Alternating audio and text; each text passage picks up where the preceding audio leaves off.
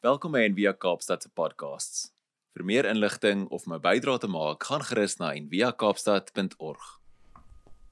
Ek lees vir ons die skriflesing van die oggend waarna Dominee Johan gaan oorvat. Lukas 4. Vol van die Heilige Gees het Jesus van die Jordaan teruggekeer en is deur die Gees in die woestyn gelei waar hy 40 dae lank deur die duiwel versoek is. Die hele tyd het hy niks geëet nie. En aan die einde van die tyd was hy honger. Die duiwel het vir hom gesê: "As u die seun van God is, sê vir hierdie klip dit moet brood word." Maar Jesus antwoord hom: "Daar staan geskryf: Van brood alleen sal die mens nie leef nie." Hierop het die duiwel hom na 'n hoë plek geneem en in 'n oogwink vir hom al die koninkryke van die wêreld gewys. En die duiwel sê vir hom: Ek sal u al hierdie mag gee en hulle prag, want dit is aan my gegee en ek gee dit aan wie ek wil. As u my aanbid, sal dit alles u sin wees. Maar Jesus antwoord hom: Daar staan geskryf: Die Here jou God moet jy aanbid en hom alleen dien. En die duiwel het hom na Jerusalem geneem en hom op die hoogste punt van die tempelgeboue laat staan. Toe sê hy vir hom: As u die seun van God is, spring hier af. Daar staan immers geskryf: Hy sal sy engele opdrag oor jou gee om jou te beskerm en ook op hulle hande sal hulle jou dra sodat jy nie dalk teen 'n klip jou voet stamp nie. Maar Jesus antwoord hom: Die skrif sê ook: Jy mag die Here jou God nie versoek nie. Die duiwel het nadat hy met al hierdie versoekings klaar was, vir 'n tyd lank van Jesus weggebly. Tot sover. Goeiemôre, dit is lekker om ver oggend uh, saam met julle op hierdie manier te ontmoet. En wat 'n vreugdevolle geleentheid het ons nie Woensdag aand gehad met as Woensdag nie. So heerlik om daar by mekaar te kon gewees het en die askruise op ons voorkoppe te kon ontvang en wanneer ons daardie askruise op uh, julle koppe getrek het, het ons mos nou die woorde van Genesis 3 vers 19 aangehaal wat sê stof is jy en tot stof sal jy terugkeer. Dis die begin van lydenstyd en ons gebruik mos tradisioneel die palmtakke van die palmsonnig van verlede jaar wat tot as gebrand word en dan vertrek ons in hierdie tyd van lent om nie net na te dink oor die lyding en die sterwe van Christus nie, maar op 'n manier ook oor ons eie lyding en sterflikheid na te dink. En daarom die roep van die kerk deur alle eeue heen mementi mori. Onthou jou dood. Ons is broos. Ons is uh, verganklik. En wanneer ek deur hierdie lewe beweeg, ontken ek nie my broosheid en my verganklikheid nie. Ek gryp dit juis vas want dit maak vir my die lewe ook sinvol om deur my gebrokenheid uh, te kan beweeg. Dit is interessant dat hierdie uh, simbool van die as in verskeie kulture funksioneer as 'n simbool van om uit die as of om uit die swaar kry uit te kan opstaan tot nuwe lewe. Dink nou maar aan die mitologiese voel die Phoenix wat uit die as uit hergebore word. En as jy nou in hierdie lydenstyd vir jou kinders 'n verhaal weer nuut wil vertel, gaan krap weer 'n bietjie vir Aspoestertjie uit. Ja, Cinderella, Cinder, die dogtertjie wat uit die as uit opgestaan het tot 'n nuwe lewe, later weer teruggekeer het na die as toe en toe weer daar uitgehaal is.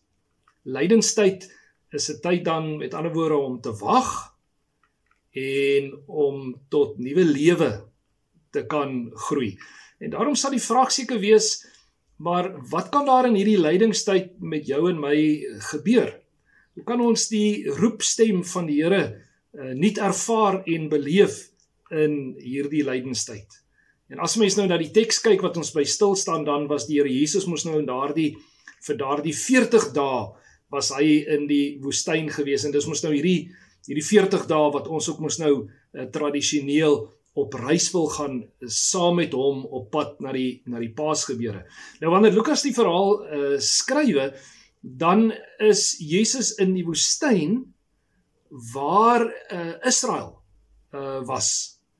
En die die lyne is presies dieselfde lyne wat Lukas vir ons optel, naamlik honger, uh, afgode en wantroue in God. En sommer onmiddellik op die eerste vlak wil Lukas van ons sê, hier is die ware seun van God.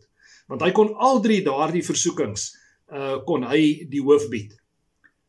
Ek dink egter Lukas wil vir ons iets meer sê met hierdie verhaal van Jesus se versoeking daar in die woestyn. Wanneer Jesus die teenstander teenstaan, dan gebruik hy die Bybel, die Ou Testament en baie spesifiek Deuteronomium. En is my mooi hoe hy Deuteronomium hier gebruik want wat sal die kern wees van Deuteronomium? Deuteronomium se kernboodskap is uh eintlik maar dit Deuteronomium 6 vers 5 die Shema luister Israel die Here is ons God En daarom gaan lydingstyd vir my eintlik is is 'n beweging so half tussen aan hierdie die een kant die die as die simboliese woestyn waarin ek en jy ons bevind. Die die terugtrek in die woestyn in. Maar aan die ander kant hierdie herfokus. Luister Israel, die Here is ons God. En dis dis waaroor lydingstyd vir my op 'n manier gaan om om terug te trek en te herposisioneer en te herfokus. Nou, waarop moet ek herfokus? Aan die een kant hierdie realiteit van my eie gebrokenheid, hierdie memento mori, hierdie hele saak dat ek sterflik is en daarbey bedoel ek alles wat die lewe na my toe gooi om dit te gaan sit en dit te herprioritiseer waar die oog gefestig op die Here is ons God. Nou dit is nie in hierdie dae moeilik om uh vir ons onsterflikheid uh, onsself aan te herinner nie. Ons is nog eers behoorlik deur Covid nie, né? En van julle in hierdie geloofsgemeenskap waarin ons ons bevind, uh, het Covid mos nou uh, intens beleef uh, en ervaar. Ek wil nie eens eintlik daaroor praat nie, maar die pyn en die smart en die hartseer daarvan het eintlik ons hele geloofsgemeenskap kom herinner aan ons aan ons sterflikheid. Maar Nou sit ons nog steeds binne in Covid en hier is ons op die rand van 'n derde wêreldoorlog. As as enige land betrokke moet raak saam met Oekraïne in 'n direkte aanval op Rusland, is ons by die derde wêreldoorlog. En nou praat ek nog nie eers van jou eie persoonlike woestyn waarin jy jouself bevind nie. En ek ek weet nie eers wat dit mag mag uh, wees nie, maar ons almal beleef een of ander worsteling, een of ander saak waarmee ons op hierdie uh, tyd gekonfronteer word wat my almekaar herinner hoe broos ek is. Lydingstyd sê sit daarmee. En ek wil sommer hier reg aan die begin sê as ek sê sit, dan bedoel ek letterlik uh, sit. En ek het eintlik nou al reeds twee geloofsdissiplines uitgelig wat net in hierdie eerste paar verse na vore kom en dit is die die lectio divina om weer daarvoor tyd in te ruim en hierdie sit, die dissipline van stilte. Maar goed, ehm um, As ons dan nou net vir 'n oomblik uh, kyk wat uh, Ron Rolheiser oor hierdie woestyn uh, ervaring sê, dan sê hy the desert by taking away the securities and protection of ordinary life strips us bare and leaves us naked both before God and the devil. This brings us face to face with our own chaos. En lydenstyd lent is vir my 'n tyd om met my chaos te sit en te vra Here, hoe lei U my my deur uh my chaos. Nou die drie versoekings waaraan Christus blootgestel was, die eerste ene was mos nou die feit dat hy honger was en dan kom die uh, die aanklaer en dan sê hy vir hom maak hierdie klippe maak dit brood. En as hy moes toegegee het aan aan hierdie versoeking, as die seun van God sou gesê het, wel ek is die seun van God. Dis my geen probleem nie. Ek doen dit maklik. Dan uh sou hy daarteen daarmee aangetoon het dat ek en jy nie honger mag hê nie. En by honger bedoel ek eintlik al die behoeftes en die begeertes waarmee ek en jy elke dag uh, gekonfronteer word. As hy so toegegee het aan hierdie versoeking, dan sou hy eintlik gesê het in hierdie ekonomie uh, is daar geen plek vir onvervulde begeertes nie. Trouwens, as jy onvervulde begeertes het, dan sou dit beteken daar is iets verkeerd met jou.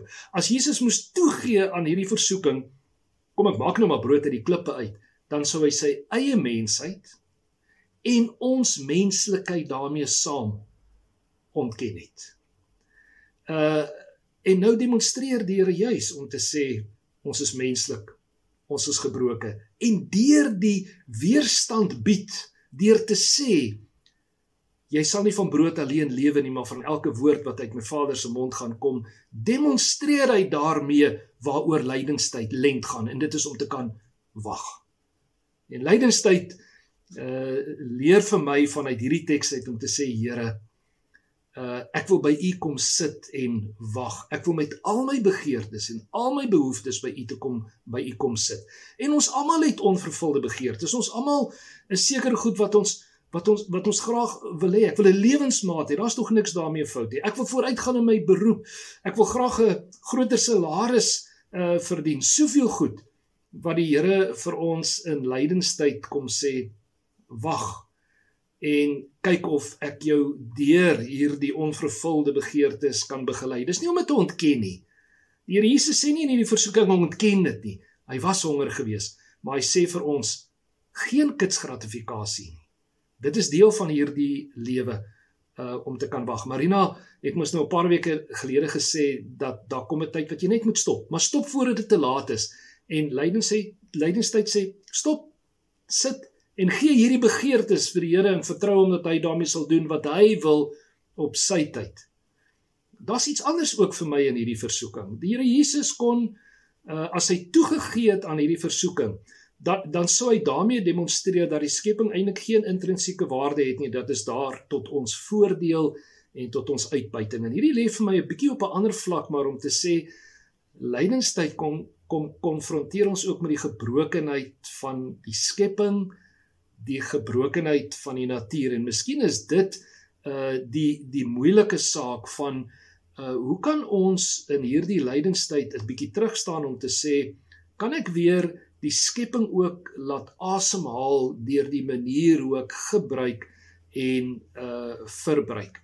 Kan kan dit genoeg wees om in hierdie dae weer te kan hoor as die Here sê ek is die brood van die lewe nie as 'n kitsoplossing nie nie om alles skielik soos mis voor die son te laat verdwyn nie, maar om in my woestyn vir my te sê herfokus en en fokus dan nou op hierdie brood van die lewe. Die tweede versoeking van Jesus het mos nou te maak met 'n uh, soort van 'n koninkryk van alle koninkryke wat die uh, aanklaer mos nou vir Jesus uh beloof. En dan sê hy eintlik in in daardie uh versoeking as die Here dan nou sou toegegee het aan daardie versoeking dat roem, eer, erkenning dit moet onmiddellik die kind van die Here uh, toekom. amper half iets in die lyn van omdat ek nou die Here uh dien en aanbid, moet hy sekere iets doen. Nou hierdie versoeking lê vir my baie naby aan wat ons vandag sal doen sal noem 'n uh, voorspoeds uh, teologie uh jy weet as ek nou net 1 2 en 3 doen dan sal die Here onmiddellik 1 2 en 3 en 4 en 5 en 6 moet uh terugdoen. En hierdie uh versoeking in ons eie lewens het heel dikwels te maak met met geld met sukses en met gesondheid. En dit sluit baie nou aan by die by die eerste uh versoeking maar daar's met ander woorde nie ruimte vir hierdie uh teenpool nie uh dat dat hierdie goed nie noodwendig oor my uh pad kom gesondheid en geld en alles wat daarmee uh gepaard gaan nie. Maar as ek nou weer van 'n teenpool kan praat van aan hierdie een kant van die kitsgratifikasie, ek hoef nie te werk vir enigiets nie, ek hoef my nie in te span uh, uh, vir iets nie. Dan sou ek wou sê nou hierdie hierdie ander pool waar baie van ons in vasgevang is, daarvoor blameer ek nou my ouers want my ouers het kleintyd vir my gesê jy moet hard werk jy moet 'n goeie werk eendag kry waarin jy baie geld kan maak sodat jy 'n goeie kar kan ry, sodat jy 'n groot huis kan bly, sodat jy vir jou vrou en jou kinders alles kan gee wat hulle wat hulle nodig het. Daardie hele vraagstuk van wanneer is genoeg genoeg? En dit lê vir my op die ander pool van van hierdie versoeking waar die Here Jesus vir my in lent wil kom leer om te sê stop. Uh is dit werklik waaroor uh sukses gaan? Uh is is is lent nie dalk juis 'n tyd om te kan terugstaan en te kan sê maar wat kan ek aflê? Hoe kan ek weer roeping en getrouheid en eenvoud met mekaar in in verband bring om so te sê dat hierdie lewe uh hierdie reis na my eie sterflikheid toe is 'n reis wat ek makliker onderneem wanneer ek afkom af lê en uh en vrykom. Nou Jesus se respons teenoor die aanklaer is my eintlik so mooi. Dit is amper asof hy vir die aanklaer sê, "Hey, stop 'n bietjie. Fokus. Fokus. Die Here, hy alleen is God." As 'n mens nou in in hierdie uh, lydingstyd in hierdie tyd van lent nou vir jouself 'n mantra uh wil wil soort van formuleer en neerskryf dan sal dit nou my mantra wees wanneer ek nou in lent iets wil aflê en ek voor die versoeking kom om om te swig uh, dan sou dit my mantra wees die Here alleen is God dit soort van 'n fokus te maak terwyl ek in die woestyn sit en probeer deurworstel met dit waarmee ek dalk nou uh, besig is om te worstel.